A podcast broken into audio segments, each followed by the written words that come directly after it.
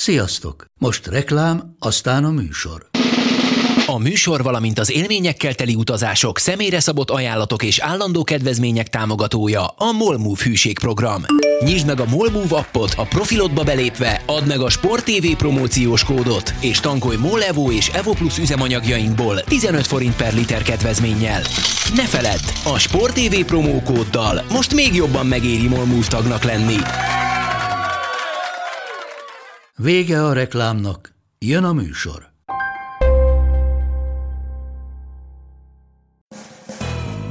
Ez itt a Force and Long, avagy Bencsics Márk irányító és Budai Zoltán elemző elkeseredett kísérlete, hogy nagyjából egy órába belesűrítse az NFL heti történéseit.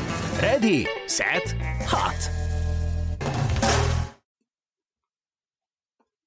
Sziasztok, köszöntünk mindenkit a Force and Long 114. adásában szokás szerint Budai Zolival. Szia Zoli! Hát nagyon rég nem beszélgettünk.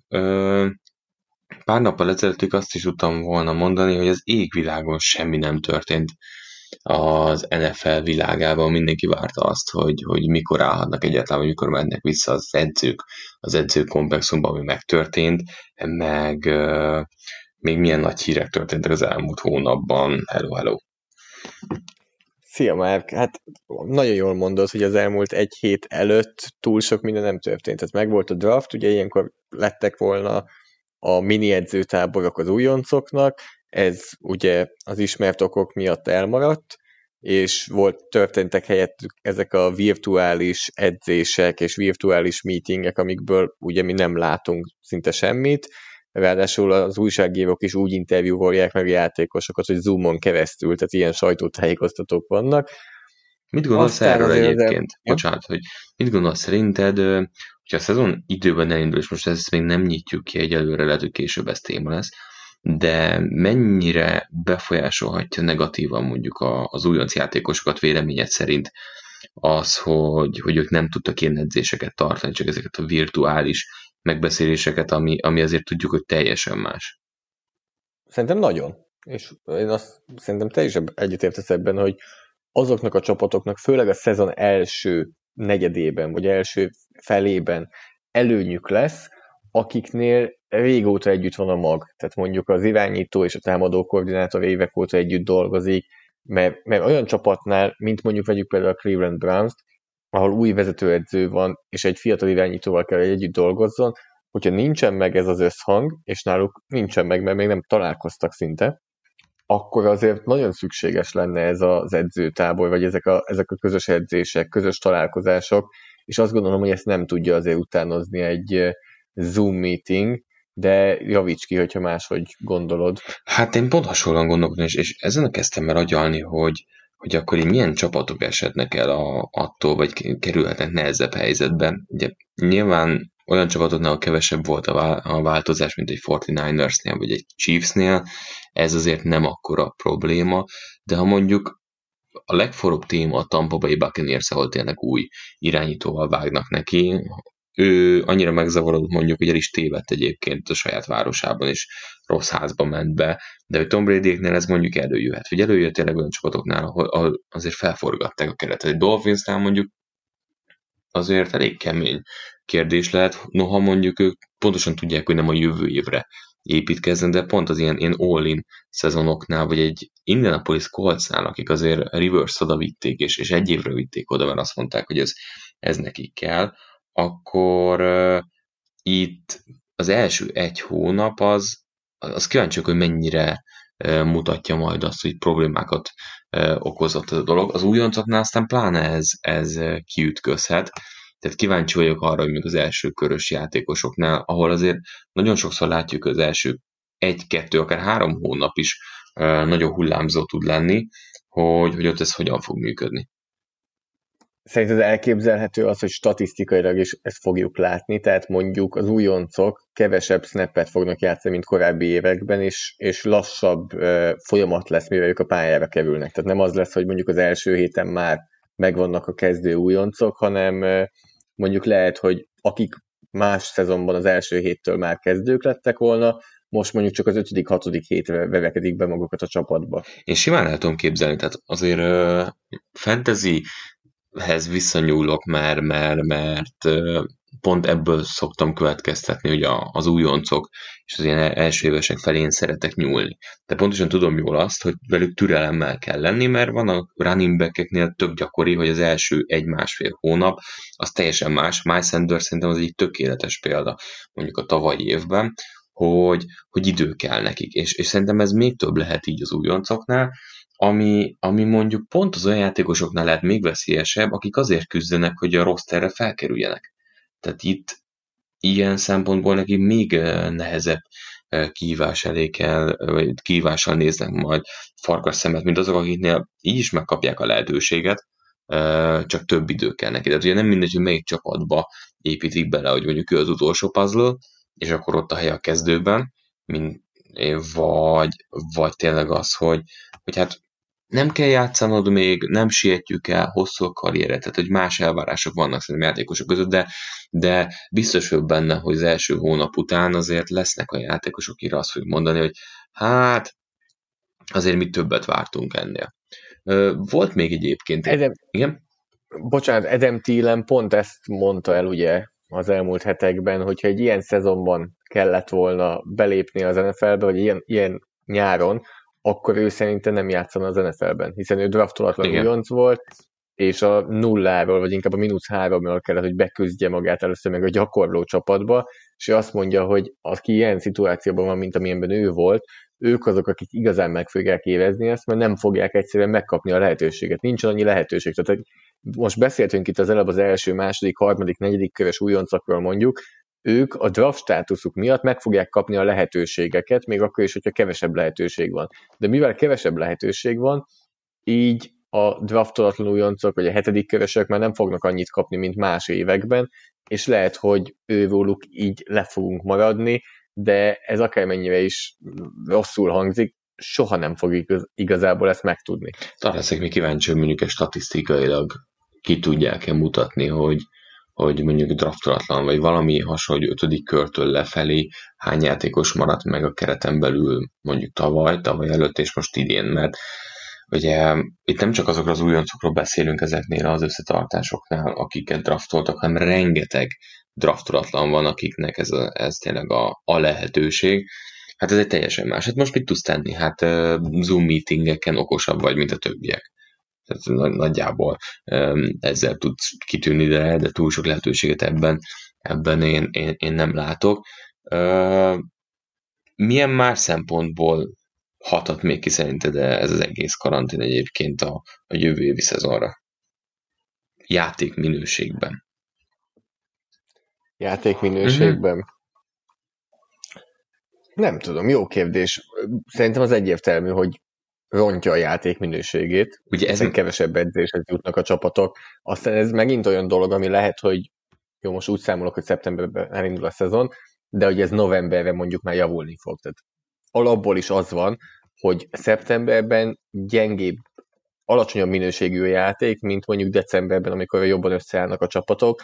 Most ez csak hatványozottan igaz, hogy, hogy nagyon lentről fognak indulni, azért azt gondolom, hogy ez a tévénézők számára nem lesz annyira szembeötlő. Tehát egy-egy meg nem értés mondjuk elkapó és irányító között, Igen? ami a csapatok számára nagyon zavaró. Miért nem? Nem emlékszel, hogy nem tavaly szeptemberről beszéltük azt, amikor elkezdődött, hogy hú, hát azért érződik, hogy már nem annyit edzenek, nincs annyi kontakt, mint évekkel korábban. Tehát én, én emlékszem, de lehet, hogy ez most csak így... Tehát te tulajdonképpen azt mondod, hogy még nagyon is fog látszódni az, Szer- hogy... Szerintem igen. Ez a... Aha. Szerintem igen. Tehát már, már az elmúlt években is a kevesebb kontakt, meg ilyenek az, hogy nem lesz csapatoknak közös edzése, amit Aaron Rodgersen kívül mindenkit szeretett, és hasznosnak tartott, akkor, akkor szerintem ez tökre kijöhet. Mert, mert pont az hiányzik, hogy ezek az összetartások csapatok között azért éles versenyhelyzetet már mutattak erőviszonyokról, meg, meg tényleg az, amikor már ott, ott azért próbáltak maximum pörögni, és ez sem lesz meg. Úgyhogy kíváncsi vagyok, hogy az előszezon meg lesz tartva, illetve ha meg lesz tartva, akkor ki mennyit fog játszani, változtatnak-e ezen, mert, mert az rögtön egy válasz lesz egyébként a, a csapatok részéről, hogy a, a felkészülésben hol tartanak, úgyhogy ilyen szemmel is majd érdekes lesz nézni azért az augusztust, hogy, hogy változtatnak ezen, nyilván addig még azért sok mindennek azért helyre kell kerülnie. Volt még egy érdekes téma egyébként most jut eszembe, ugye a, a negyedik hát nem is a negyedik kísérlet, hanem az extra, az onside kickes szabálymódosítás témája. Ugye ez volt, még erről, erről nem beszéltünk szerintem. Igen, ugye ezt lesöpörték az asztalról. Pedig ennek a Chiefs örült volna. De onnan tudtad egyébként, hogy ez a szabály változtatás azért kedvezett volna olyan csapatoknak, mint a Chiefs. Amúgy ez érdekes, hogy ez a jobb csapatoknak kedvezett volna, ugye? Tehát Igen. azoknak, akik jobb támadósorral rendelkeznek, és ők azok, akik valószínűleg kevésbé vannak rászorulva arra, hogy megpróbálják ezt. Tehát ilyen szempontból ez egy kicsit ilyen ellentmondásos, hogy azoknak kicsit az alapból is erősebbeket segíteni valamelyest, de hogy benne lett volna a szabály e, módosításban, hogy egy meccsen csak kétszer lehet megpróbálni, ami pedig mennyire furcsa. Tehát ilyet, ilyet soha nem mondtak, hogy soha nem úgy lett bevezetve például az előre az, hogy jó, jó, oké, de egy meccsen csak ötször használhatod, az nem itt túlzásba. Tehát ezzel azért szerintem innentől lehetett érezni, hogy hogy azt gondolják, hogy vannak csapatok, akiknek könnyebb, mint másoknak, ugyanakkor azt gondolom, hogy 4. és 15 az nem egy annyira egyszerű szituáció. Nem annyira egyszerű, de nem is a lehetetlen kategória, és pont volt Szerinted kimutatás... mekkora különbség van? Megkezdem a véleményedet, mert én arra gondoltam, hogy legyen inkább 4. és 10, de aztán utána elgondolkoztam azon, hogy van egyáltalán nagy különbség ott? Hol, hol van itt a, a, a szakadék? Tehát honnantól van nagy különbség? Lehet, hogy azt mondod, hogy 4 és mondjuk 8 és 15 között már nincsen nagy különbség, hanem inkább előtte mondjuk 4 és 5 és 8 között jelentős a különbség. Ö, két irányból közelítve, uh, ugye, ugye harmadik, tehát ugye a harmadik down megyünk, akkor 8 yardig szokott lenni bezárólag egy kategória, tehát 5 és 8 között szokott uh, egy lenni, és 8-tól fölfelé, hát ketté lehet még szedni, de a long az már ilyen 12, vagy akár 10-től fölfelé az már longnak számít. Nyilván itt azért attól is függ, hogy a csapat milyen futballt játszik, hogy ezzel azért itt, itt lehet pakolgatni, hogy hova milyen package kerülnek be a különböző down and distance-ekhez, de hogyha a játékívásból nézzük, akkor 10 fölött azért már egy más helyzet van, és játékosként meg azt mondom, hogy nekem 12-től van az a lélektani, ahol érzem, hogy már, már nehezebb. Tehát 12-től az, az, az már durva olyan szempontból. Tehát a, a negyedik és 10, arra még nagyon sok minden ö, ö, van. Negyedik és 12-től viszont már jó játékot ledobhatsz a tábláról, vagy jó pár útvonalat ledobhatsz a tábláról, amik egyszerűen kiesnek ennél a, ennél a távolságnál. Úgyhogy nekem valahol ott, ott, ott válik kettő. Ez a negyedik és 15 azért érdekes, mert igen, a jobb csapatoknak kedvez nyilvánvalóan, de hogy az onside kick meg senkinek nem kedvez, az is egyértelmű. Tehát nem véletlen, hogy ezt az Eagles benyújtotta, mert, mert az onside kick szinte sosem sikerül. Tehát, hogy ezt a, igen, szabályozások alapján nem. Tehát a korábbi igen. szabályozások alapján azt gondolom, hogy az onside kick az pont arra volt jó, ami, aminek volt tervezve. Így van. Viszont a mostani szabályok ugye, hogy nem lehet mozgó start, mindkét oldalon ugyanannyi játékosnak kell felállnia, tehát 5-5 játékos, nem tudod túl, túl tolni az egyik oldalt, és nem tudsz több játékost föltenni egy oldalra, így azt gondolom, hogy egy kicsit értelmét vesztette az onside kick, pedig az NFL ugye talán ezt szereti a legjobban, hogy mennyire kiszámíthatatlan. Ugye erről jönnek mindig a sajtóközlemények az NFL-től, hogy ezen a héten ennyi meccs volt 7 ponton belül, és pont, hogy izgalmasabbá teszik a meccseket az onside kickek, hiszen azok a csapatok próbálják meg, meg akik próbálnak visszajönni a meccsbe, úgyhogy ezen felnek azt gondolom, hogy inkább érdeke lenne valahogy segíteni a hátrányban lévő csapatokat a meccsen, de ez úgy tűnik, hogy idén még nem fog megtörténni. Egyébként neked tetszik maga az ötlet? Igen, neked nem? Nekem, hogy, dehogy nem. Tehát, hogy az, hogy, hogy nyer, és ez pont, amiről rengeteget beszéltünk, hogy ha nyerni akarsz, támadj, ebben nekem teljesen illeszkedik az, hogy ez a menekülés a győzelembe, tehát, hogy, hogy támadjunk. Akkor csin, csináld meg a 4. és 15-öt, és akkor menj tovább, és ott a labda a kezedben. Tehát... Jó, de akkor azt mondod, hogy te akár előnynél is megpróbálnád? Mert itt most ez kicsit más azért most már szerintem, mert Ott már más. az inkább menekülés vissza a meccsbe. Tehát én azt nem gondolom, hogy menekülés a győzelembe. Az általában az, hogy megpróbálsz visszajönni a meccsbe. Uh-huh. De mit gondolsz, hogyha mondjuk akár lehet olyan, hogy végigmész a pályán legelső drive, szerzel egy TD-t, vezetsz 7-0-ra, és Nem. akkor Harrison Butker helyett Nem. fölküldöd inkább Patrick Mahomes. Nem. Nem. Tehát azért előnynél nem próbálnád Nem. meg. Nem. Ez sem. Nem, mert előnynél viszont meg ö, tényleg a, ott jobban kijön, hogy a, a jobb támadó csapat az, az nagyon hamar lesöpörheti az ellenfelet. Tehát ott, Hát de akkor miért nem próbáld meg? mert, mert akkor az viszont nem azt szolgálja, hogy izgalmasak legyenek a meccsek.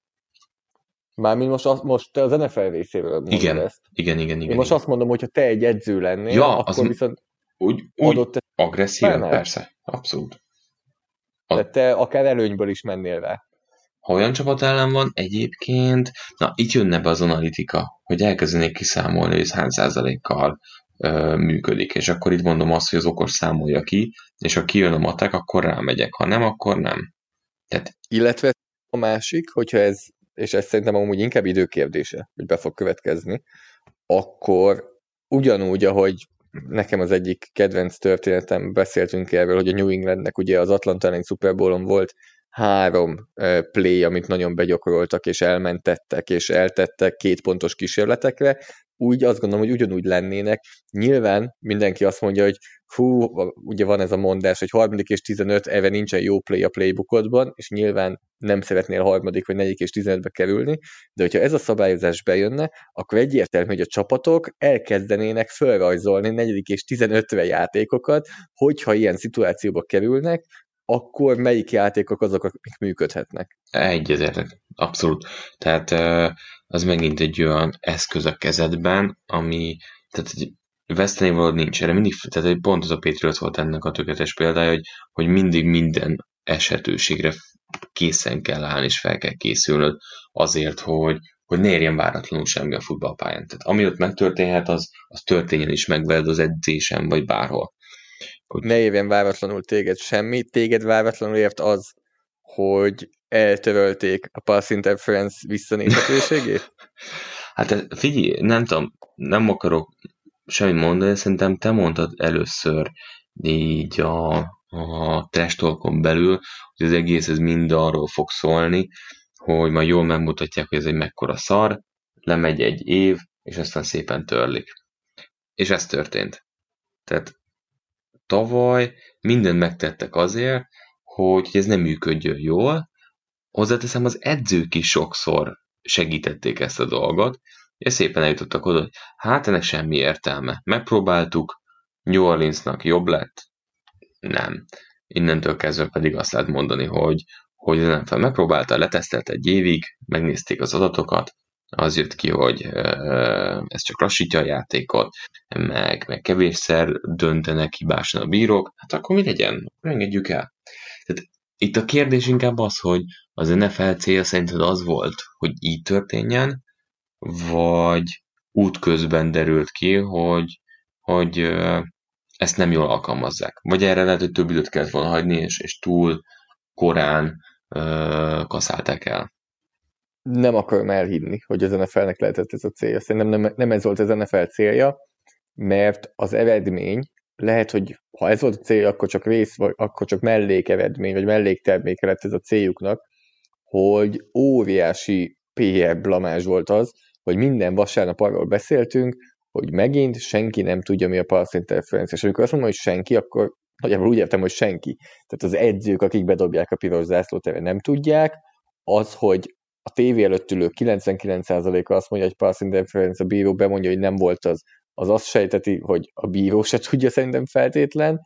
Az, hogy előjött az, hogy a hivatalos partnerei az NFL-nek a közvetítő csatornáknál, akik a fülkében ültek, kommentátorok szintén folyamatosan kritizálták, tehát ez egy olyan, nyilván az NFL akkora, és annyi minden történik, hogy ez egy nagyon-nagyon apró rész, de ez folyamatosan jött innen a kritika, nyilván túlélték, túl fogják élni, de azért szerintem önszántukból ilyen kritika áradatnak nem akartak elébe menni. Na de akkor most ez az év bemutatta, hogy az edzők se tudják mi az, hogy pass interference, és ebben nem is léptek szerintem előrébb az év során.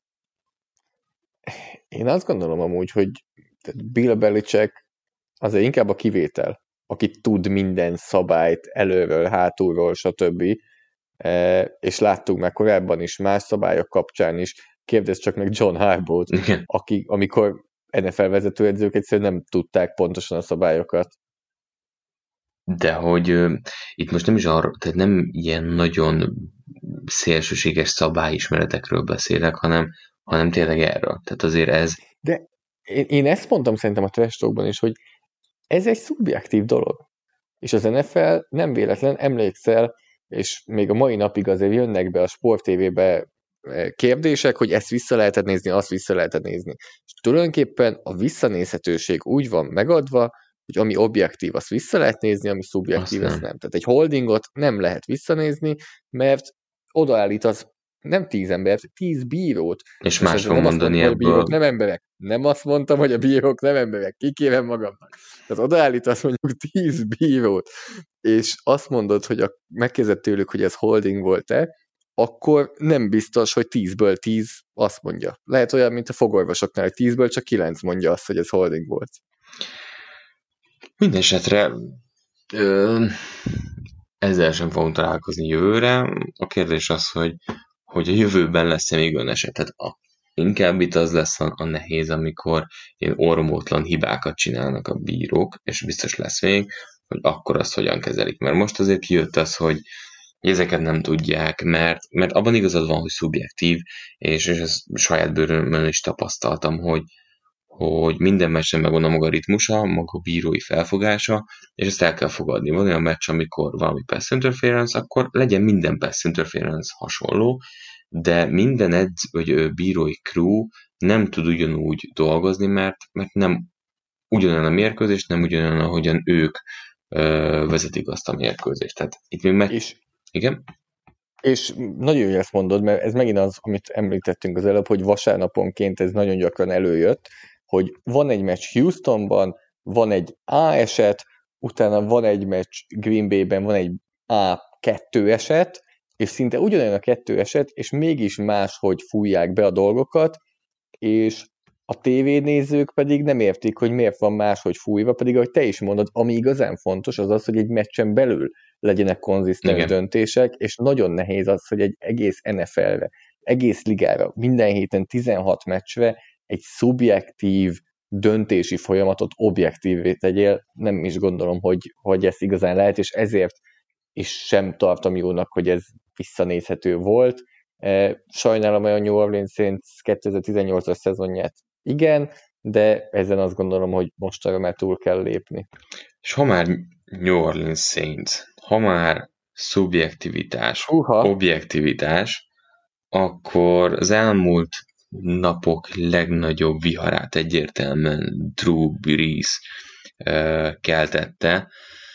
Azzal, amikor egy interjúban elmondta, hogy soha nem fog senkit sem tisztelni, vagy nem fog egyetérteni senkinek senki, nem senkivel, hagyja, senkinek senkivel nem, nem ért egyet, vagy soha nem fog egyetérteni azzal, aki nem tiszteli a, az amerikai Egyesült Államok zászlaját ez a, nagyjából ez a, ez a mondat volt, ami felrobbantotta a Twittert, az amúgy is nagyon érzékeny és jelenlegi puska, puskaporos, puskaporos Twitter, hangulatot, és hát Drew Brees pár óra leforgása alatt keresztre feszítették.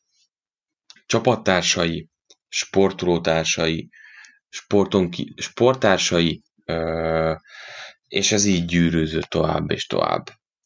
Ö, az egészben nagyon nem is akarunk szerintem belemenni a politikai szempontból, inkább, inkább játékos és, és csapat szempontból érdemes ezt megvizsgálni nekünk szerintünk, hogy, hogy mi lesz a következő lépés. Drew Brees egy nappal később természetesen, hogy várható volt, ö, bocsánatot kért ezért az egészért.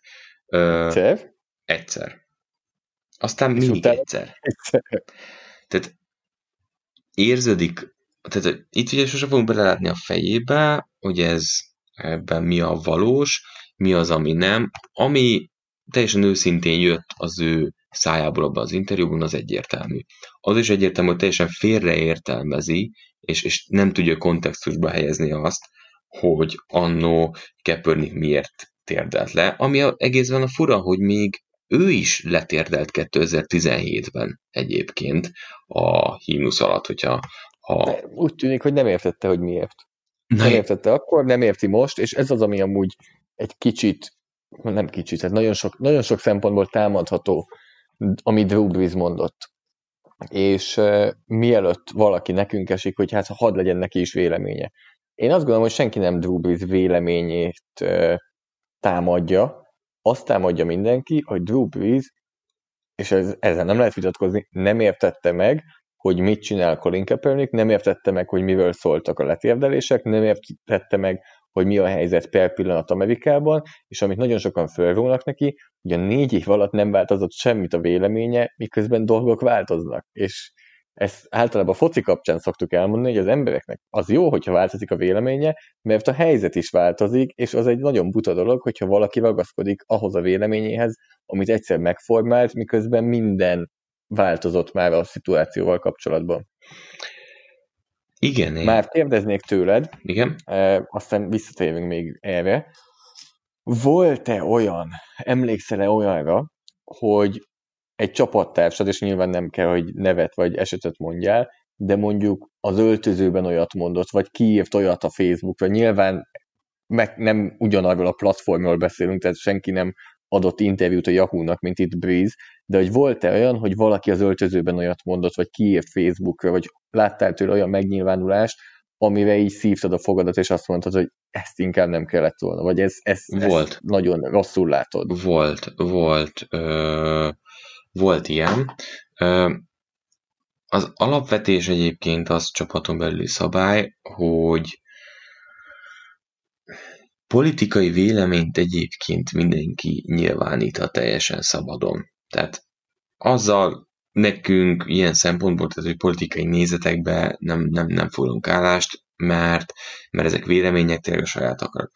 Az a típusú dolog, ami már, már fai téma, és ilyen kérdéseket, ilyen érzékeny kérdéseket pedzeget, na az már viszont egy, egy más történet. Azért más történet, mert ő egy csapatjátékosa, egy csapatot képvisel, ha felmegy az ő oldalára, akkor, akkor ő annak a csapatnak a tagja, és azt gondoljuk, hogy, hogy tehát felelősséggel tartozik innentől kezdve a társaiért is, és az embertársaiért is, és, és egyértelmű, hogy, hogy ezeket kezelni kell házon belül, és pontosan azért, mert, mert mi egy amatőr sportolói közösséget alkotunk, és ugyanígy itt is vannak kötelességek, és ugyanígy itt is uh, edukálni kell egymást, hogyha valaki nincs tudatában valamivel kapcsolatban, vagy a teljes képet nem látja, lehet, hogy még az élet nem hozta, úgy lehet, hogy nem tartott fejlődésben, lehet, hogy, hogy ezt hozta valami más közösségből, ilyesmi, de igenis meg kell mutatni neki azokat a dolgokat. Tehát igen, voltak ilyen példák. És mi volt a következménye? Tehát akkor, ahogy te most Felszó, tehát, hogy rá, változó volt, volt vele beszélgetés? Vagy volt, volt. Leültetek? Igen, volt olyan is, amikor csak írtunk neki, hogy ezt szedje le, mert egy, ennek a csapatnak a tagja ilyet nem írhat ki, mert, mert, mert ez, ez túlmutat vélemény, vélemény nyilvánításon, és, és volt olyan, amikor pedig igen, tehát hogy volt vele beszélgetés, hogy, hogy ez miért nem. De nagyon nehéz megtalálni azt a pontot, hogy, hogy hol van a felelősség, és hol teszel többet azért, hogy a többiek megértsék. És itt jön be ez a kérdés egyébként Drew Breesnél, aki egy csapatkapitány, aki ezer éve New Orleans-nak a, a báványa és, és, és arca. És pontosan tudjuk azt, hogy, hogy New Orleans az nem Green Bay. Az nem Green Bay. És New Orleansban azért rengeteg probléma is van, és, és átél több problémát, ami, ami probléma azért ö, ö, a színesbőröket ugyanúgy érint, sőt, még akár durvábban is. Tehát, hogy, hogy ez az egészben a, a fura, hogy, hogy eznek a városnak kb. együtt kéne lélegeznie, mint ahogy minden csapból ezt mondják, és itt van a vezérük, aki nem érti, hogy, hogy mindig volt ennek az egésznek az üzenete, vagy nem akarja megérteni. És, és nyilván volt egy két csapattársa, de Mary Davis azt mondta, hogy, hogy igen, hülyeség volt, amit mond, de hogy vállalta a hülyeségét, és hogy bocsánat kért, vagy nagyon érdekes volt, és egyébként szerintem innen látszik az, hogy ki a, ki a nagy vezére ennek az egész csapatnak, Cameron Jordan. Cameron Jordan, igen. Aki, aki viszont kimondta kőkeményen, hogy figyelj, Drew, fogalmad nincs a dolgokról, sokkal többet kell erről tudni, valahol azt mondta, tehát ő is elmondta, hogy, hogy nekik is többet kéne magyarázni erről, hogy ő megértse, de hogy itt nem lehet itt, és most tényleg itt vagy a mi oldalunkon vagy, vagy a másik oldalon. Tehát, hogy szűznek, te nem marad szű, tehát kurva, tehát hogy, hogy is van a mondás, hogy nem maradhatsz egyszerre szűz és kurva, és le, legyen, legyen kurva, és nem is tudom, hogy van pontosan, lehet, hogy korábban kellett volna felvenni ezt az adást, akkor lehet, hogy ezt el tudom mondani, de nem tudod mindkét oldal. Nem lehet egyszerre dugni és szűznek magad. Így, így van, így van, köszönöm szépen.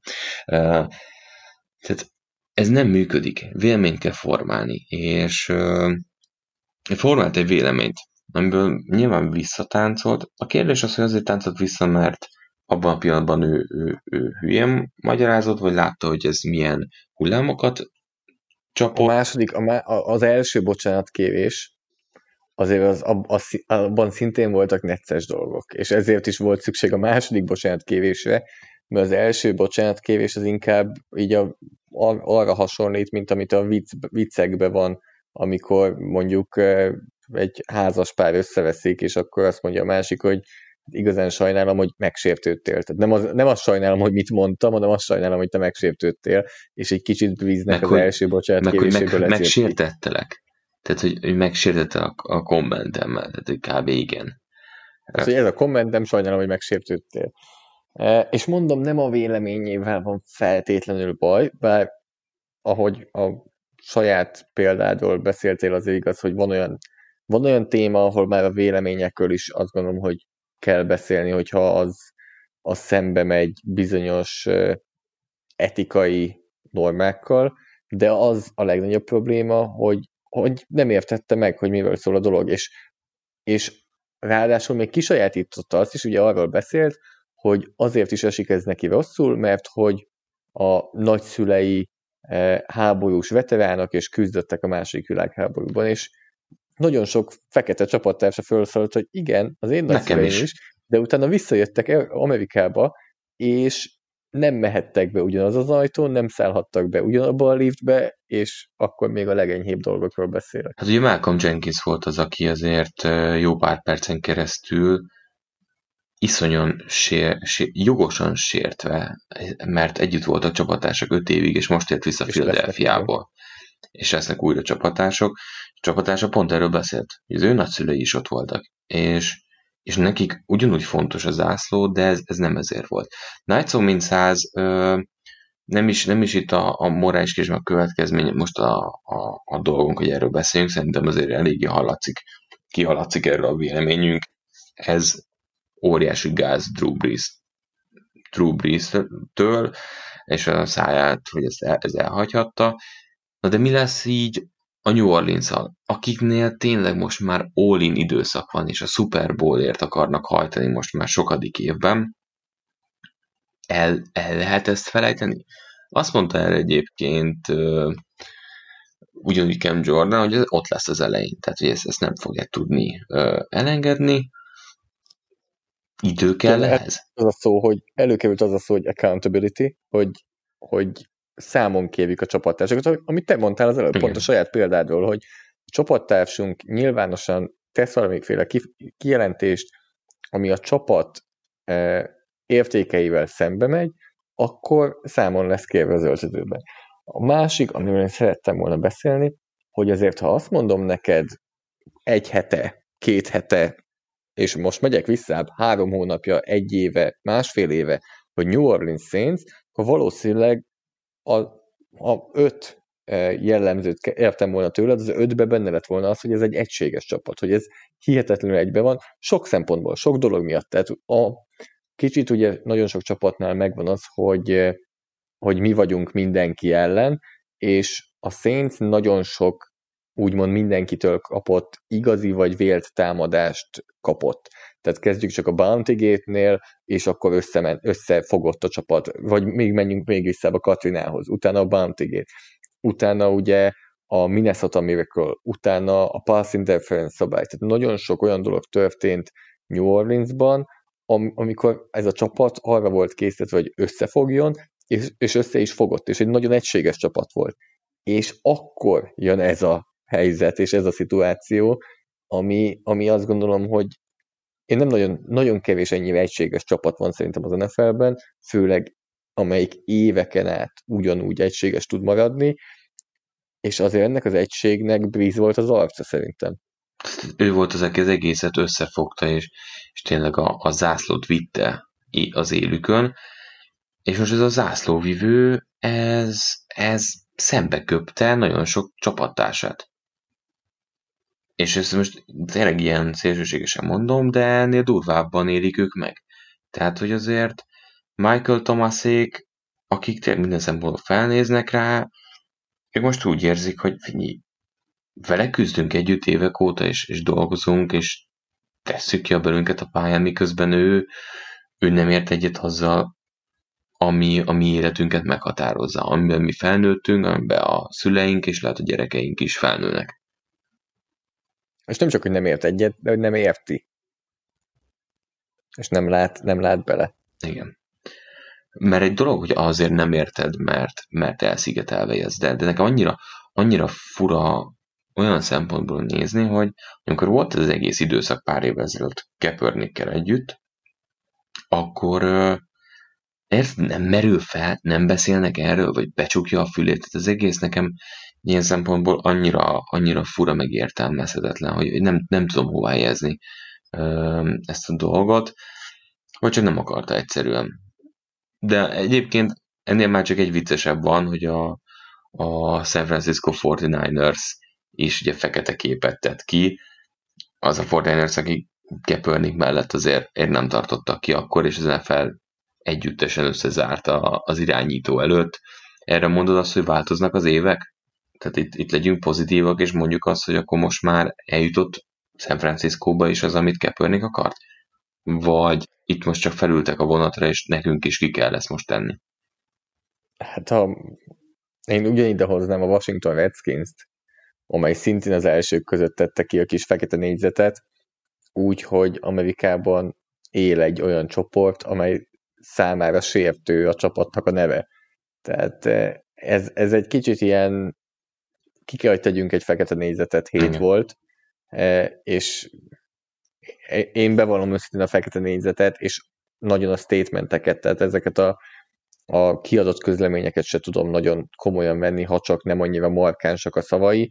Az egyik, amit például most kicsit elkanyarodunk, de eh, amit én ajánlanék azoknak, akiket érdekel, hogy milyen egy markáns ilyen kiadott szöveg, az a tudom, Ben Jerry's fagylaltnak a fagylaltgyártó cégnek nézze meg a sajtóközleményét. Tehát nyilván a 49ers én azt gondolom, hogy a 49ers és Kaepernick nem tudom, én a 49ers nem tudom annyira hibáztatni. Én azt gondolom, hogy az a kapcsolat az a tényleg elfáradt, az a csapat úgy, ahogy van elfáradt, ugye, a Super Bowlból leépülve uh-huh nagyon mélyre lementek. Én nem tartom őket nagyobb hibásnak, mint a többi 31 csapatot azért, ahova került ez a Kaepernick szituáció. Nem, az ott egy kollektív döntés. Tehát, hogy ilyen nem mondanak ki, de egy kicsit ilyen kollektív döntésszaga volt az egésznek. Majd az NFL részével? Aha, igen. Igen. Igen, tehát egy... Ugye, hát emiatt perelte. Igen. Ez a, ez a collusion szó, emiatt perelte Kaepernick az NFL-t. Úgyhogy Kaepernick így, uh, New Orleansban akkor te, te azt mondod azért, hogy hosszú távon ennek hatásra lehet az azon kimenetelére. Tehát, hogy ez összekötve, mondjuk azért nem mondom azt, hogy az újoncok nem edzenek a New Orleans-nál, mert azért ott túl sok játékosnak ez nem okoz problémát, de de ez nem tudom, hogy el lehet-e felejteni. Vagy azt mondjuk, hogy félretesszük erre az évre, mert fontosabb nekünk a cél. És oké, okay, sose leszel a de, haverom, de együtt tudjuk ezt megcsinálni. Én szerintem ezt meg fogják tudni. Tehát szerintem ebből szól az, hogy profi sport. Igen. Hogy, és, és nem tudom, az egyik, talán Damien Woody, korábbi New York Jets és New England Patriots támadó falember mondta azt ezen a szituáció kapcsán, hogy az emberek nagyon komoly tévhitben élnek, amikor azt hiszik, hogy egy 53-as csapatban mindenki, mindenki mindenkivel barát. Mert nem, ez, ez nagyon messze van az igazságtól. Mindenki profi, biztos van, aki jóban van, és biztos van, aki ki nem állhatja a másikat. De mindenki profi, egy csapatban van. E, például egyértelmű, azért azt gondolom, hogyha Drew Brees a harmadik vagy ötödik számú linebacker lenne a csapatban, akkor is más lenne most a helyzet. E, Breeze viszont megkerülhetetlen figura abban az öltözőben, és megkerülhetetlen figura abban a városban is, ahol a Buzz meg Drew Brees skandálás ment az utcán a, a héten, tehát azért arra is kíváncsi leszek, eleve ugye kérdés, hogy mennyi néző lesz, vagy lehet majd a stadionokban, hogy amikor először Drew Brees kivonul a pályára, akkor mi fog történni? Igen, arra én is nagyon kíváncsi vagyok. Ö, neki egy lehetősége van, hát kettő, egyik a pályán... Néhány bocsánat kévés kiadni. Igen, pár ilyet, illetve győzelem az, ami egy szurkolónak a lelkét valamennyire a fájdalmát enyhíteti. Tehát ez az egyetlen, és hogy annó New Orleans város az, az ebben segített sokaknak, hogy reményt adott. Ez nem azt mondom, hogy reményt ad, ez Drew Breesnek adhat egyedül reményt, mert az látjuk, hogy, hogy egyébként nem megoldás hosszú távon semmire. Ö, én is azt gondolom egyébként, hogy igen, tehát itt, itt sokkal fontosabb célok vannak a játékos, játékosok előtt, és, és el kell fogadni, tehát nem havert keresnek. Nyilván a csillók legjobb együttállása az, amikor egy csapat kohéziója, egy profi csapat kohéziója is tökéletes, mert, mert annál nincsen jobb. De vannak olyan esetek, amikor, amikor ez már nem működik, de mint csapat együtt dolgoznak, és tudják, hogy van egy közös cél. Jó, uh, megnézzük, hogy mi lesz a New Orleans saints és azt beszéltük Zolival, hogy nézzünk pár játékost, akiket ugyanúgy nagyítóval fogunk követni a jövő évi szezonban, ugyanis egy-két játékos brutálisan alulmúlta az elvárt teljesítményt és önmagát az előző szezonban, és volt pár játékos, akik pedig bőven túl teljesítették azt, amit gondoltak volna róluk, és azt beszéltük Zolival, hogy hozunk három-három ilyen játékost, akiknél megmondjuk azt, hogy a következő szezonja jobb lesz, vagy éppen rosszabb. Melyikkel kezdjük, a rossz oldala, vagy a jó oldala? Kezdjük a rossz oldalon. Kezdjük a negatív, mindig a negativitás. Az... Mi van negatív? Mi van veled? Hogy eltűnt egyébként? Úgy, pont uh, szerintem Pimpós Kefiben láttam tegnap. Igen? Egy, egy videón a legendás, a jobb Fifi. lába. Ostor. Ostor az a láb. Ostor, ostor az a láb. Tehát izé, bolond holiszter, hogy hogy is volt? Szökik a málna. Az. Én, én olvastam valami cikket, hogy, hogy mit csinál, de, de már nem, nem, nem is emlékszem rá. Hát így. Be így. kéne hívni a podcastba Márknak, Márk vendégnek. Az nagyon jó lenne. És akkor uh, csak olyan csapatokról beszélnék, akik negatív mérleggel állna, és akkor ezt bemondhatnám mindig. Mi van negatív? Na, az első játékos, akit hoztunk, az Jared Goff, akinél tök érdekes egyébként, mert, mert 4600 yardot passzolt, 22 TD dobott és 16 interception hát ilyenből nagyon sok van az NFL-ben. Mégis az előző, elő, egyen ezt megelőzően, hogy mai napon a beszéd nem nagyon megy, ezért most már így valljuk meg. Tehát 2018-ban ő azért óriásit ment, be is robbant a ligába, 32 TD, csak 12 interception, de már az is, ott is jelentkeztek olyan hibák, amik 17-ben még nem voltak meg, de az úgy egyben volt.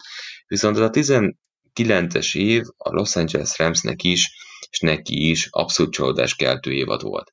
Szerinted Goff visszajön 20-20-ban, vagy pedig nagyjából ez lesz neki a szintje? Szerintem nagyon nagyban befolyásolta azért az ő teljesítményét az, hogy milyen támadófal dolgozott előtte. És ezt szinte minden héten szerintem is mondtuk, hogy egyszerűen annyira nehéz volt nyomás alatt. E, nyomás alatt egyik irányító sem igazán jó, és ő nagyon sokat volt nyomás alatt e, ebben a szezonban. Tehát szerintem nagyon sok minden fog ezen múlni. Ugye jó, én azt gondolom, hogy jó, hogy Whitworth e, visszatér, még akkor is, hogyha azért nem lesz fiatalabb. Hát ő tavaly is volt. Nem ott volt a gond. Nem, középen volt a gond. Meg Havenstein-nel is gond volt, tehát mindenhol volt gond kb. Wittersnél is volt több gond, mint amihez mi hozzászoktunk korábban. Jared Goffnak nem tudom, hogy hányadik héten volt, de a 2018-as szezonban volt egy csütörtök esti meccs a Minnesota Vikings ellen. Én annyira jó irányító teljesítményt nem sokat láttam az NFL-ben. Tehát az, amióta nézem az NFL-t, ez top 5 irányító teljesítmény egy meccsen, amit Jared Goff az ott mutatott. És én ezért, ezért bízom benne, hogy, hogy ezért ő vissza fog térni, ami mit jelent? Mit jelent amúgy a visszatérés? Tehát top 10, Uh-huh. Szerintem igen, mert ö, egy évvel előtte mi arról beszéltünk, hogy top 10 alján nyal, nyaldossa, és Goffnak szintet kell lépnie, ö, vagy pedig stabilizálni magát ebben a top 10-esben, és a tavalyi Goff az 20, 20-ban benne volt. Szerintem hát nem fog. Szerintem nem fog ö, visszajönni.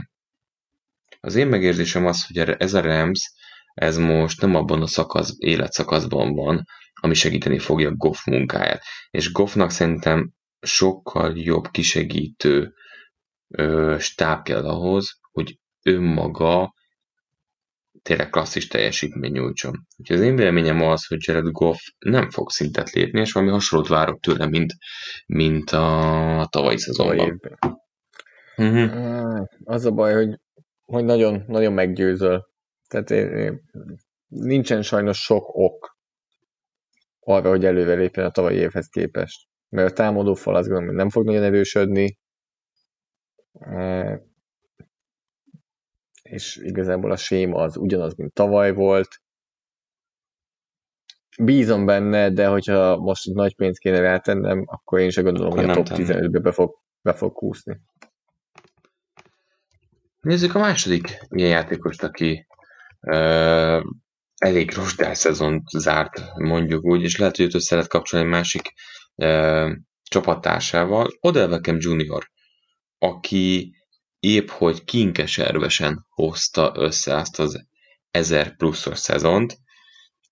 Beszélik, hogy sokat játszott sérüléssel ebben a szezonban, de azért az is durva, hogy az elkap, tehát hogy a cél, amikor célba vették, idén összesen az 55%-át fogta meg, borzasztó szezonja volt neki is, illetve uh, nyilván Mayfieldnek is, de az is látszik, hogy nem tudták jól használni, de hogy ő sem volt az igazi a tavalyi szezonban. Szerinted ő visszatér? Ugye egy csípősérülésről van szó, hogyha jól tudom, tehát azt, azt emlegették, és én azt gondolom, hogy ezt láthattuk tényleg, hogy nem volt meg az a robbanékonyság és az az agilitás Odell Beckham Junior mozgásában, mint a korábbi években. Ugyanakkor Mayfield nem, nem feltétlenül dobott mindig pontos passzokat az irányába, azt hiszem, hogy ezt így... Mondjuk úgy, tehát egy... Kijelenthetjük. Na, na, ez, a, ez, a, ez a uh, szar voltál Baker, Baker Mayfield megfogalmazás, igen. Nem tudom, hogy elmennék-e oda, hogy, hogy gyengében játszott, mint mondjuk Eli Manning, amikor Beckham játszott együtt, de nem feltétlenül játszott jobban, mint Manning. Tehát valahol ugyanaz, ugyanazt a szintet kapta OBJ, mint New Yorkban. Én, én bízom Kevin Stefanskiban. Nyilván azért a tehetség az tehetség, tehát nem mondom azt, hogy ő miatta volt az az Adam Thielen Stefan Dix duó ennyire jó, de ki tudta használni őket, és, és szabad tudta őket játszani, és play action tudott extra időt adni az irányítójának, Cousinsnak ugyanúgy egy gyenge támadó fal mögött, bár a Clevelandi támadó fal azért azt gondolom, hogy akár erősebb lehet. Jobbnak kéne lennie. Igen. Um, és, és Odell Beckham Jr. azért az első három évében, amit letett az asztalra New Yorkban, az, az majd, hogy nem hallatlan, tehát hogy az, az ott NFL rekordokat döntögetett, hogy milyen fiatalon mennyi javgyatás, stb. volt. Én azt gondolom, hogy nem, nem tudok más mondani, mint hogy, mint hogy újra jó lesz. Az, hogy mennyire jó, az megint egy kérdés, mert top 5-re volt úgymond predestinálva az, az első három szezon után, sőt, még annál is följebb. Hát Most azt gondolom, hogy dobogó. ebben a szezonban már egy top 10 is egy, egy előrelépés lenne, és akkor azt mondom, hogy top 10-be vissza fog kerülni Odell Beckham Jr., és egy, egy elit első számú elkapó lesz a Clevelandnek. Én is azt gondolom, hogy most Mayfield is jobban fog futballozni, egyszer jobban kell futballoznia, és ez magával rántja Odell Beckham Jr.-nak is a teljesítményét. Vagy inkább azt mondom, hogy oda-vissza mindkettő fog hatni a másikra, és nála én is azt gondolom, hogy, hogy vissza fog jönni. A kérdés az, hogy hova. Szerintem van egy-két játékos, aki már elment mellette, és, és nem is feltétlenül oda kell visszaküzdeni magát, de, de Odell Beckham Jr.-t fogjuk szerintem látni, akinek lesznek nagy meccsei, és aki nem úgy kalapálja össze ezt az ezer yardot, hogy úgy 60 yardokat meccsenként, 70-eket meccsenként, hanem igenis nagy meccsek, nagy villanásokat fog hozni. Szerintem Odell Beckham Jr. Uh, jól kell, hogy játszani. Kicsit azt érzem nála, hogy, hogy, hogy, hogy több van ebben. És, és pont a karantén, karanténkázban uh, beszéltünk arról, akik berobbantak, majd kicsit eltűntek csúnya szóval, és akkor mondtad te nekem privátban Odell Beckhamet, és, és pont ezt nem szeretném nála látni, és bízom benne, hogy ez nem is fog megtörténni nála, és nem az a cél, hogy az első három évében, amikor 35 TD-t szerzett, hogy ezt csináljam a következő három évben, de az elmúlt két év, vagy három év a sérülésével azért, azért egy teljesen más ö, karriernek a közepét jelentette. És akkor ki a harmadik játékos? A harmadik játékos, akit hoztunk, az Chicagóból jön, és nem, nem Trubisky, tehát ne, ne elgondoljunk. Őt azt gondolom, hogy azért, azért mostanra elástuk, és valamelyest most már Ryan Pace is, ugye Nick Foles az ásóval megérkezett, e, és helyette Eddie Jackson, aki, aki jött, az az Eddie Jackson, akinek 2018-ban 7 darab interceptionje volt, míg 2019-ben idézőjelben csak kettő, ugye volt a visszahordott zsánya is, volt ugye kettő darab visszahordott zsánya volt 2018-ban, 2019-ben egy sem, és őt, őt hoztuk, hogy vissza fog-e tudni térni arra a szintre, amit 2018-ban mutatott, vagy akár nem is kell feltétlenül arra a szintre, de, de egy, egy jobb teljesítményre mit gondolsz kezdjette? Hát igen, ugye két évvel ezelőtt az a Chicago védelem annyira egyben volt, hogy, hogy nem volt szinte gyenge pontjuk. És, és már akkor is beszéltük, hogy ez egy csapatoknál, amelyik ennyi labdát szerez, ennyi szekket szerez, és ez nem fenntartható hosszú távon. És ez úgy megtörtént, mint hogy a Patriots is meg fog történni majd. Minden évben van egy ilyen csapat, egy ilyen labdovadász csapat, és azért az is fontos, hogy a, a Bears tavaly sérülések miatt is, meg azért egy-két játékos távozott, pont azt a sebezhetetlenségét vesztette el, illetve egy-egy olyan játékos, aki, aki nagyot ment egy évvel korábban, ők, ők kicsit visszafogottabbak voltak, el is tűntek, és, és Higgs sem volt, amíg játszott olyan jó, meg is uh, számokban nem hozott olyan produktivitást, azért most már kezd talán nehéz megmondani, de, de Smith egyelőre nekem ö, ö, csalódás. Csak, hogy Robert Quinn mondjuk mit tud hozzápakolni, de, de azt érzem, hogy a, a körülötte lévő játékosok Eddie Jacksonnak sokkal nagyobb teret adtak, és, és neki pont ez, ez működik, hogy, hogy amikor hibára készítik az NFL irányítót a passzsértetés miatt, azok a rossz döntések, azok Eddie Jacksonnak nagyon ülnek. Tehát a labdaszerzéseit, hogyha ha akkor is megnéztük, akkor pont azokat használta ki, és pont tudott térbe belépni, amikor az ellenfél irányítója rosszul döntött bizonyos esetekben, és, és ezek hiányoztak a tavalyi szezonban. Én azt gondolom, hogy Eddie Jackson még továbbra is egy jó játékos, fontos, hogy egyébként egy nagyon fiatal játékos, és, és neki itt jött ki egy picit ez a, ez a sophomore slump, amit ugye akkor szoktak azért előhúzni. Talán nála túl nagy volt a peak abban az évben, amikor ekkorát játszott, és ez, ez egy évek később ez a visszaesés. Ugye pont safety egyébként nagyon nehéz, hogy, hogy egy-egy évre sok játékos ugrik ki, de, de pont az, azon gondolkodtam, hogy minden free safety, aki elit szintre jut, azt tartja. Tehát, hogy free safety van az, akik 6-8 évig elit szinten futballoznak. De mindenkinél így van kb. És van egy, egy játékos mellé, mint például Eddie Jackson, ahol kérdés az, hogy, hogy ezt fent tudják-e tartani. És azt gondolom, hogy ő nem fogja fenntartani. Tehát 5 év múlva vagy jövőre se úgy fog beszélni Jacksonról, mint top safety, de egy jó safety lesz szerintem, tehát valahol kettő között én azt gondolom nála is, hogy feljebb lép, de, de nem fog, és nem is az elvárás, hogy olyan szezont hozzon, mint 18-ban, de nem fogunk róla top safety-ként beszélni, szerintem.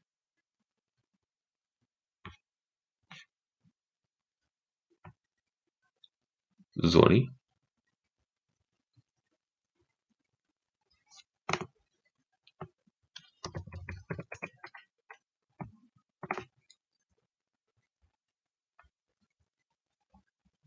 Itt vagyok. Tehát gondoltam, hogy megosztok veled egy újabb tweetet, Nyugi Gronkowski-t nem trédelték el újra. Na. Másik, másik tweet. Megijedtem, hogy elvesztettelek. mondta, nem, itt, itt vagyok, csak miután voltam. Valaki azt mondta, hogy Breeze nem kellett volna bocsánatot kérnie, és nem kellett volna visszavonnia az eredeti véleményét, és mindenkinek állnia kell a himnuszért, és minden, minden esetben állva kell végighallgatni a himnuszt. Tudod, hogy ezt kitvítelte ki? Húha, hát... Segítek, azért nem az NFL-ből jön. E, legfent, legfent Jaj, jön. Trump. Igen. Jaj. Úgyhogy e, elérkeztünk oda, hogy e, az NFL csapatok, akik az elmúlt két-három napban nagyban támogatták a játékosaikat, most oldalt kell majd, hogy válasszanak, hogy... Hűha. Úgyhogy hát, sehol nem vagyunk még, azt gondolom. Hát ugye igen, pont, hogy ez azért az NFL is már ö, liga szinten véleményt formált. Mhm. Na de visszatérve Eddie Jacksonra. Kicsit, kicsit más szintű témák. Amúgy pont, pont én néztem itt a számait, és annyira hasonlítanak a 2018-as és 2019-es számai, hogy ezt elmondani nem tudom. 18-ban e, 47 passz ment felé, 19-ben 45, szinte ugyanaz. 18-ban 25 elkapás, 19-ben 24 elkapás. És tehát százalékosan hogy szinte ugyannyi elkapást engedett, vagy ugyanannyi elkapás lett a, a felé menő passzokból. Elkapott yardok, egyik évben 257, következő évben 283. Egyik évben három touchdown, másik évben két touchdown. Egyedül az interception ahol ott van az a nagy különbség, és itt 100%-ig egyetértek azzal, amit mondtál, hogy teljesen máshogy játszik egy safety, akkor, amikor tudja, hogy két és fél másodpercen belül el kell, hogy dobja a labdát az irányító, vagy szekkelik, ami nagyjából 2018-ban történt ugye a Chicago ellen, és ott az irányító hozott egy döntést, fölnézett, és eldobta a labdát, most viszont tudja tartani tovább, ki tudnak alakulni bonyolultabb útvonal kombinációk, és azt gondolom valahogy, ahogy, ahogy te is mondod, hogy Jackson jobban el, mint amit 19-ben láttunk, ami azért nem volt egy tehát az, amiatt tűnik az rosszabbnak, hogy mennyire jó volt a 2018, ahol minden labda a kezébe esett nagyjából, és ez nem fenntartható valóban ez a, ez a jó szó, és én is azt gondolom, hogy azért ő, ő a Bayern szint alatt van igazából, és, és azon a szinten lesz. Tehát, hogy a jó, de nem elit safety, eh, ami tulajdonképpen, ha így végigmondom, azt jelenti, hogy nem lesz nagy előrelépés tőle. Nézzük meg az érem másik oldalát. Olyan játékosok, akik meg szárnyaltak, és Kérdés, hogy következőben is megteszik-e. Az első a 2019-es szekkirályunk, Shaquille Barrett, aki, akiről én az elmúlt év után azt mondom, hogy neked egyik személyes kedvenced, és, és már akkor is megénekelted azt, hogy, hogy ő szekkekben sokkal többet is ki tud hozni, ha többet játszana, mint amit a Denverben tudott. Úgyhogy uh, tiéd a lehetőség, hogy beszélj róla. 19 és fél szek. Igen, hát kérdés, hogy, hogy mi alapján ítéljük, ítéljük meg. 19 és fél, ja igen, igen, bocsánat. Vagy mennyi sietetés. Csak be volt még nálam kapcsolva a preseason is, tehát 19 és fél szek, de igazából, hogyha megnézzük, az, hogy milyen százalékban nyert, a, milyen százalékban tudta megverni a támadó falembereket, az egy az egyben ugyanaz, mint a korábbi években. Tehát a Tampa Bay-nél ebben az egy évében 17,1 százalék, előtte Broncosnál volt 17,1, volt 17,3, azért volt, amikor 13 volt, tehát azért le, alacsonyabb is volt, viszont a szek százalék az így is nagyon csalóka. Tehát a, a szek százalék az, amiről elmondjuk mindig, hogy nagyon ingadozó, nagyon sok mindenem múlik, nem csak a védőjátékoson. Én is mindig ezt mondom, hát a szex százalék az... Mindig, mindig mondom ott, hogy ez nagyon fontos, hogy magas legyen. Tehát abból, abból nincs baj. és, és mindig rájössz, hogy nem csak rajtad múlik. Igen. Attól is függ, hogy, hogy hogyan blokkolnak. Mennyi idő van, tudod, fürdetés, passzsétetésnél. Na tehát, én azt gondolom, hogy azért a 20 szek az nem feltétlenül fenntartható, de Segberet egy kezdőszintű, jó szélső passietető, aki megmerem kockáztatni, hogy nem is az elit, de az elit és a nagyon jó szintjén lesz, és fogja tudni ezt hozni tovább. Tehát az a 12 és 15 szek között, én azt gondolom, hogy azzal kiegyezik a Tampa Bay is. Ugyanakkor, ha jobb helyzetben lesz az offenz idén, mint tavaly volt, eh, akkor lehet, hogy több passz szituáció lesz a Tampa Bay védelem ellen, ami megint egy kicsit segítheti a szex százalékot már.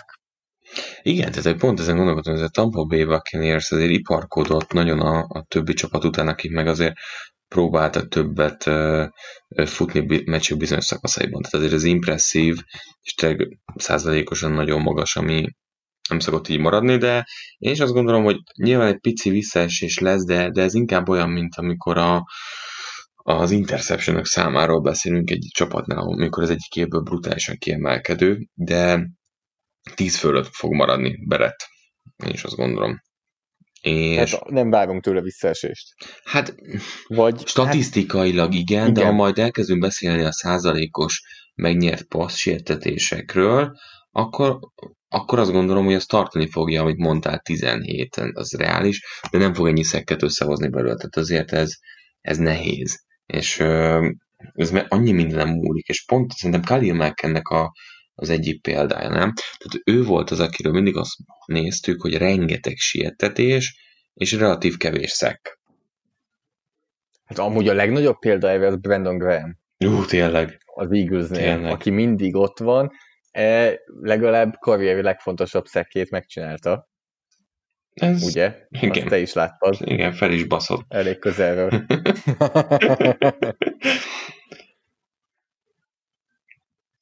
Menjünk tovább? Menjünk tovább, aha. Igen.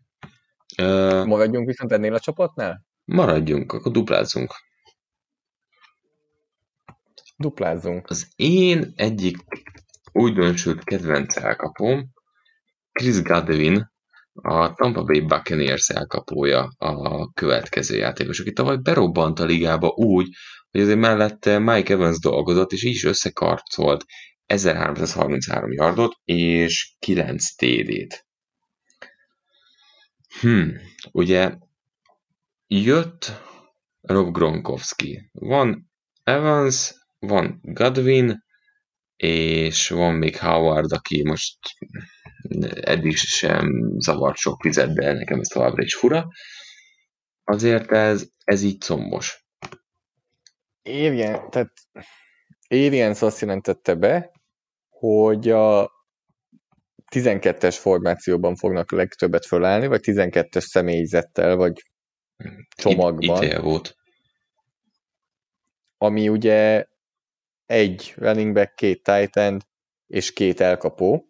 Egyébként ezt tartják az egyik legveszélyesebb felállásnak, hogy ez a két tight end az, az, az mindkét, mindkét dolgát, mindkét dolgot tud tehát a passzjátékban is, futásban is, mert, mert ugye szimmetrikus játékot nagyon sokat tud játszani, és az, azt azért, ha jól csinálják, az a, az a legrosszabb része tud lenni. Viszont ez Godwin számain szerintem változtathat, mert hogyha az eddigi inkább megszokott 11-es felállás van, tehát három elkapó, akkor egyértelműen ő volt vagy az első, vagy a második.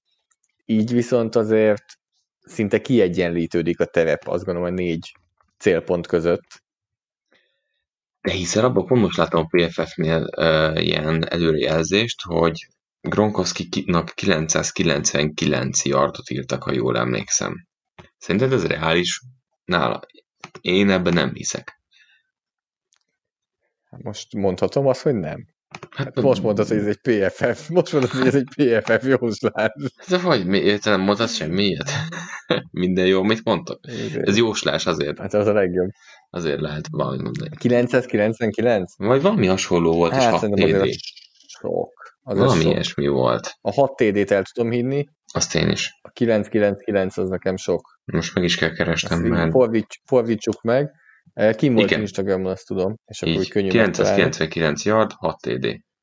Ez sok. Mondom, fordítsuk meg, és legyen 666 és 6 TD, és azt úgy jobban, Igen, jobban el tudom képzelni. abszolút egyetértek. Tehát az, az nekem is sokkal inkább reálisnak tűnik. Mm, És én- ezen agyaltam, hogy hogy nem vagyok benne biztos, hogy Winstoni mag, magassába fog törni Brady, és hogy honnan lesz ellopva ez a yard. Ugye Evans három meccsre lesérült, és, és ő nem játszott a végig a szezont, Godwin is hagyott ki két meccset, de nekem fájna egyébként, hogy a Godwin nem hozná ezeket a számokat, és azért, mert, mert szerintem egy rohadt jó futbolista, és hihetetlenül mennyit lépett előre, és, és Arians nagyon megtalálta egyébként az ő, ő helyét a rendszerben.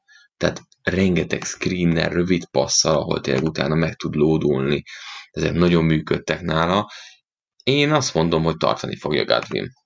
De ez egy kicsit így, így a szívemből is beszél, mert Evans nagyon másra használható. A két Titan is. És Godwinnak meg kell, hogy legyen a szerepe. Én lehet azt mondom inkább, hogy Evansnek nem lesz mondjuk 1500 yardos szezonja. Én is úgy gondolom, hogy a számok inkább Evans-től fognak lejönni. Tehát uh-huh.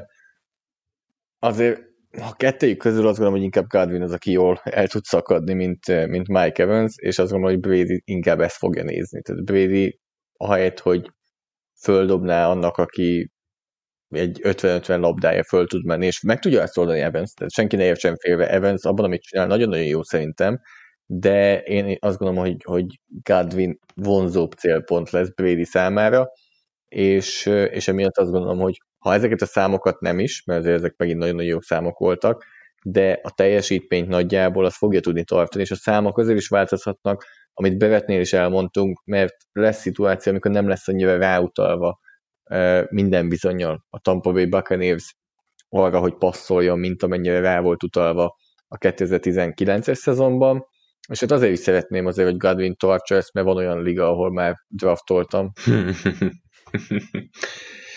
Jó, ezt akkor egyetértünk. Legyen így, hogy Godwin tartja ezt. Na de mi lesz Ryan Tenehill-lel? Ő a harmadik emberünk, aki tavaly a Titansbe beesett szinte a küszöbről, és gyorsan dobott 12 meccs alatt 22 TD-t mindössze 6 interception mellett. Nálam itt egyértelmű a válasz, úgyhogy inkább én várok, és akkor átadom a lehetőséget. Hát igen, tehát Ryan Tannehill tavaly nálunk a PFF-nél a, a rájátszás is beleszámítva, tehát hogyha levennénk a rájátszást, akkor még följebb lenne. A rájátszás beleszámítva a harmadik legjobb irányító volt holt versenyben egy bizonyos Patrick Mahomes-szal. Tippelni kéne, hogy melyikőjüknek lesz jobb szezonja. Eh, Szerinted van ember a földön, aki azt mondaná, hogy Ryan Tannehill? Mm, nincs.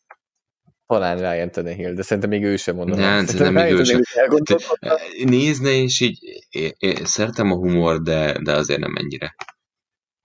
Szerintem nem. Hát csak, de nem, itt, tehát nem is ez a nagy kérdés, hanem mondjuk akik itt mögötte vannak. Lesz-e jobb szezonja Ryan Tannehillnél Kirk Cousinsnak, Aaron Rodgersnek, Matthew Staffordnak, Dishon Watsonnak, Dak Prescottnak, Tom Bradynek, Jimmy Garoppolo-nak, Carson Wentznek, és a tippelem kéne, akkor valószínűleg mindegyikre azt mondanám, hogy igen. és ez itt a... De, de, A- de várjál, nem mindegy, hogy nekik lesz jobb szezonjuk, vagy Tenehillnek rosszabb. Tehát, hogy Hú, az egy jó szezon lenne, ugye? Hogyha mindenki nekik jobban játszana a Igen. tavalyi Tannehillnél, akkor mennyire látványos Igen. szezonunk lenne. Hát van, ahol E- elfenne azért a fejlődés, tehát azért akiket neveket mondtál, bőven mindegyiknél azért nem a top szezont futották. Hát persze, persze, ez, ebben egyetértek. Nem úgy, mint Ryan Tannehill. Viszont Ryan Tannehill szerintem annyira top szezonját futotta, hogy a top 15 ott lehet, tehát a top 15 az meg lehet, de kicsit olyan volt ez, mint a mint amikor egy fiatal irányító bekerül a ligába, és azt mondják, hogy hát még nincsen elég videó róla az ellenfeleknek. hát hogy... igen, róla csak szerintem egy ilyen 3000 passz kísérletnyi volt addig.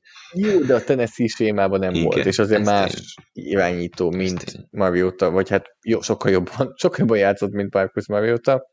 Hát figyelj, annyit... Úgyhogy azt gondolom, hogy ezért is volt egy kis visszaesés a rájátszásban, és, és lesz visszaesés a következő szezonban. De top 15-ben én azt gondolom, hogy még megmarad.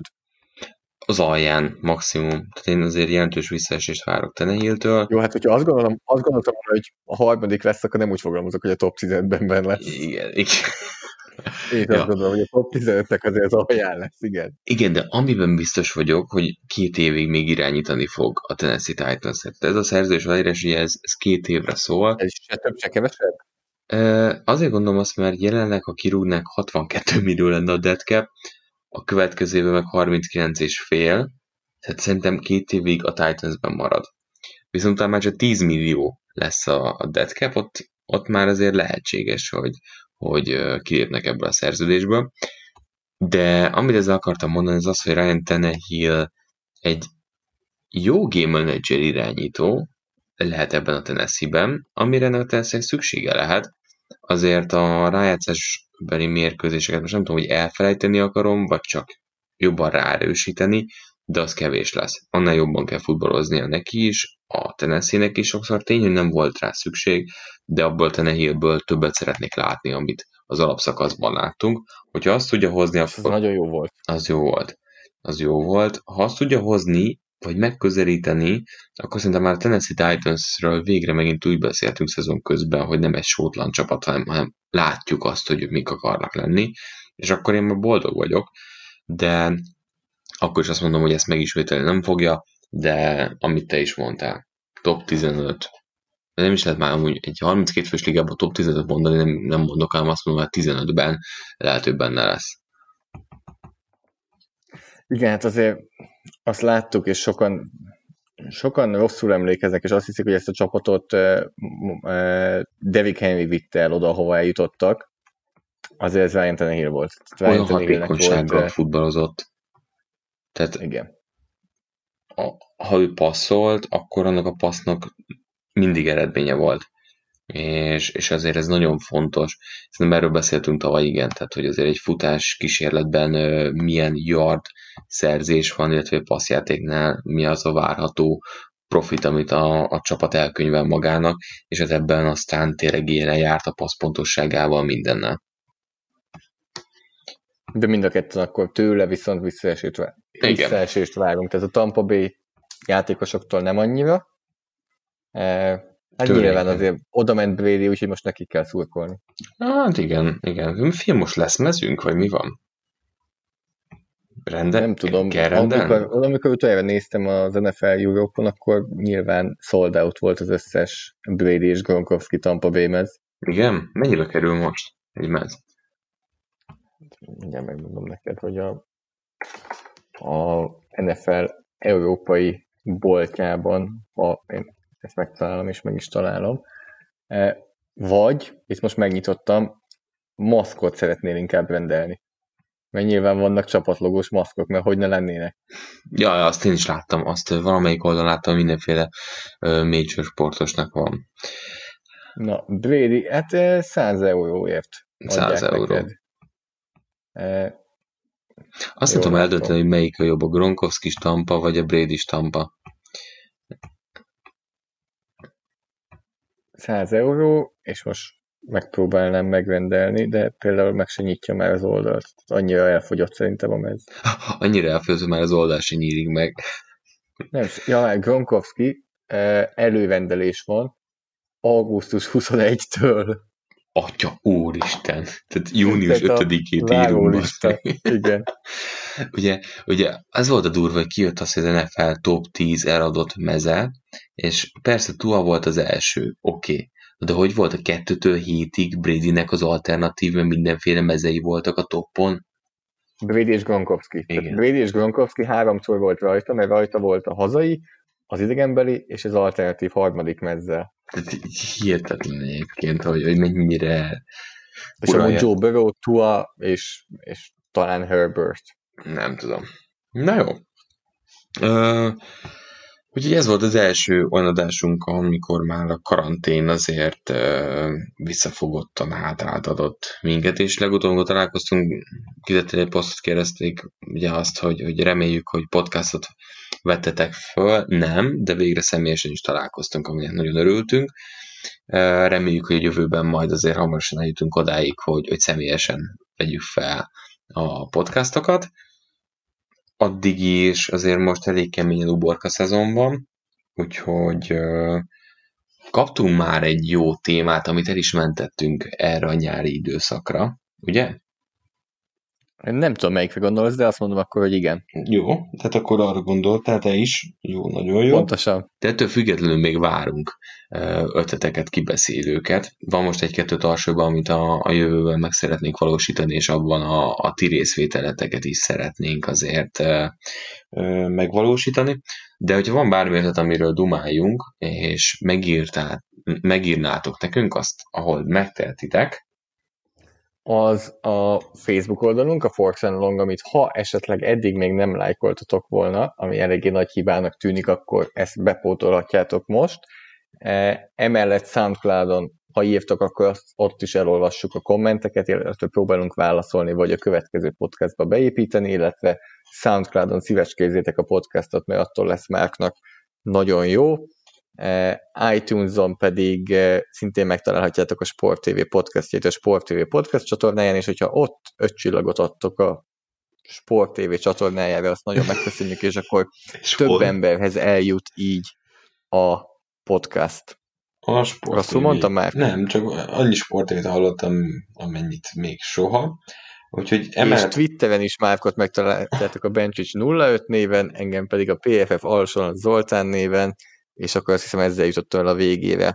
Igen, és emellett hallgassatok a karanténkáztat is, ahol Zolival és velem is ö, találkozhatok hangban, úgyhogy ö, hát még van egy-két hónap, reméljük, hogy azért ö, fogunk tudni beszélni pozitívan az amerikai ö, helyzetről karantén témában, hogy mi lesz a nézőkkel, hogy lesz a liga ilyesmi addig is ti is most már a megfelelő szabályok betartása mellett végre kimozdulhattok, mehettek a napra, ami mondjuk a következő egy hétben nem lesz sok, de legalább lélekben már kint lehettek, vagy akár testben is egy kicsit megázva, úgyhogy erre azért figyeljetek, de, de használjátok ki a következő időszakot, hiszen remélhetőleg azért augusztustól ismét NFL lesz, addig pedig mi is szeretnénk Zolival jó sok mindenről beszélni, ami nem fér bele a az adásidőbe, amikor szezon van, tudjátok, kevesebb, mint egy óra alatt, ami most sem sikerült, úgyhogy gyorsan mi is elköszönünk, további kellemes hétvégét nektek,